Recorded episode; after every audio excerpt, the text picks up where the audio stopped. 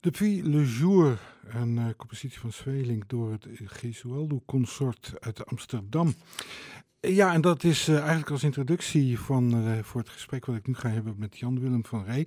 Welkom. Dankjewel. want jij gaat een muziekcursus geven, samen met anderen uit Nijmegen heb ik begrepen. Geen Bach zonder Zweling. Zweling hoorden we zojuist.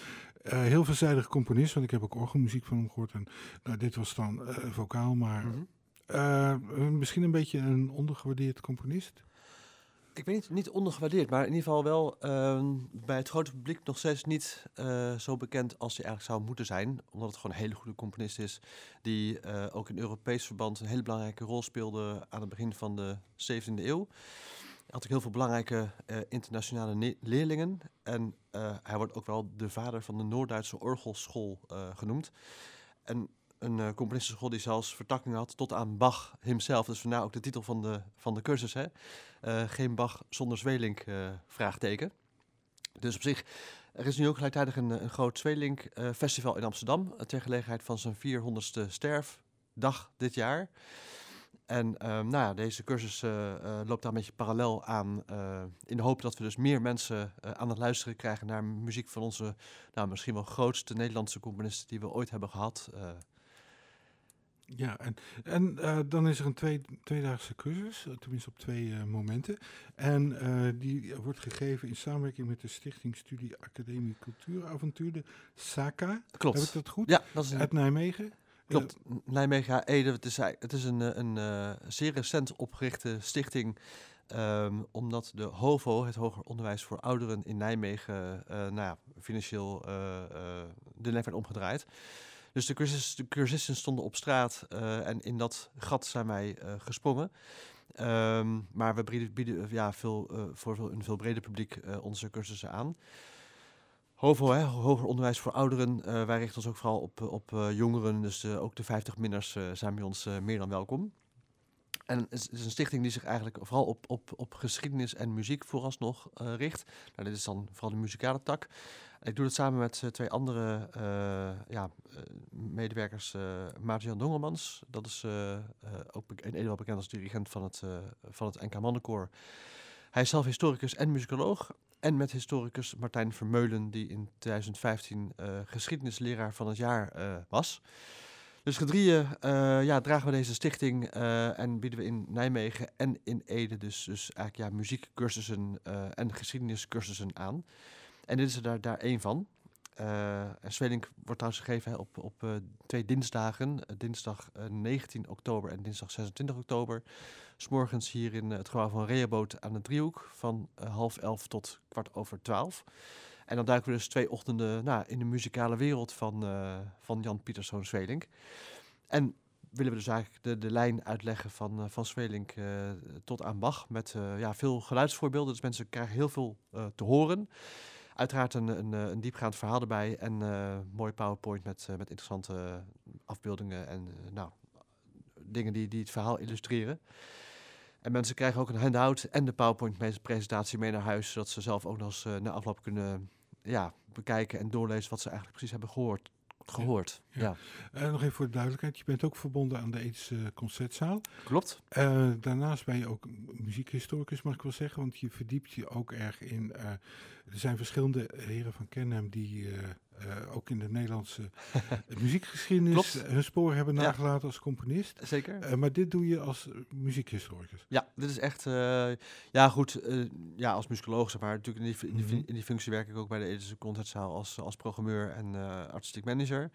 Maar dit is echt, echt ja, de muziekhistorische component. Ehm, en daarmee gaan we ja, inhoudelijk veel dieper op de zaken in.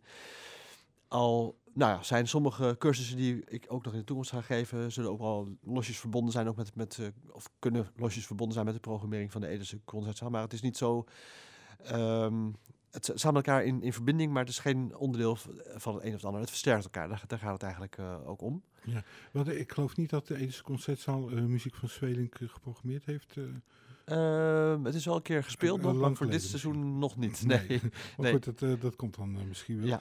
En nog even terugkomen op Zweling natuurlijk, want daar gaat het eigenlijk over, over die muziekcursus. Het internationaal perspectief, hoe was dat? Um, ja, eh, het is de tijd van de Nederlandse Republiek. We hadden het net over Mhm. schilderkunst uit de tijd van de, de Gouden Eeuw, de Ja. Nederlandse Republiek. Eh, hoe was dat met de Nederlandse componisten uit eh, de Gouden Eeuw? Ehm, eh, ja, stonden die ook internationaal goed bekend? Hoe, hoe, hoe ver reikte hun invloed? Nou, ja, een aantal vragen tegelijk. Maar goed, Om met de laatste dus te beginnen, is Svelink van al die componisten wel degene die het grootste internationale netwerk heeft. Alleen al het feit dat er meer dan twintig leerlingen uit Duitsland zeg maar, tijdens zijn leven naar Amsterdam vertrokken om bij Svelink in de leer te gaan, dat zegt er al heel veel over eh, zijn internationale roem. Ehm, daarnaast, nou, je hebt natuurlijk Svelink de, de vocale componist en Svelink de instrumentale componist. Al die componisten uit Duitsland kwamen vooral voor Svelings klaviermuziek, orgel, klaversymbol, virginaal naar, eh, naar Amsterdam toe. Ehm, daar, was daar was vooral internationaal bekend mee. Daar, deed hij hele nieuwe dingen. Eh, wat een van zijn speerpunten was dat hij eigenlijk de instrumentale muziek echt tot instrumentale muziek maakte door eh, dingen te maken die je alleen maar op een, op een klavierinstrument kon, eh, kon spelen. Daarvoor was het vaak zo dat instrumentale muziek een soort ja, vertaalslag was van vocale muziek. Maar Svelink maakte er echt, met een moeilijk woord, idiomatische muziek van. Dus muziek die echt op een klavierinstrument was toegesneden. Dat, dat kon je niet meer zomaar zingen. Ehm, en daarnaast heeft hij nou, een van de, van de, van de belangrijkste muzikale eh, ja, genres, vormen uit de barok was de fuga. Ook daar stond eh, Svelink eh, aan het begin van, min of meer. Dus ook al die lijntjes die lopen ook allemaal door hè, naar, naar Bach toe. Qua vocale muziek stond Svelink nog heel erg in de late renaissance. Dus de, de, de muziekpraktijk zoals die aan het einde van de 16e eeuw gangbaar was. Exact, dat is, past helemaal in de renaissance traditie. Dus echt vocaal gedacht. ehm, en niet zoals in de barok met Monteverdi, ja, dat je de melodie krijgt van eh, één melodie gezongen met, met instrumentale begeleiding ervan. Daar is, was in deze muziek nog helemaal geen, eh, geen sprake van. Dus het geeft een beetje een merkwaardig beeld dat Svelink als vocale componist eigenlijk nog vooral in de late renaissance staat.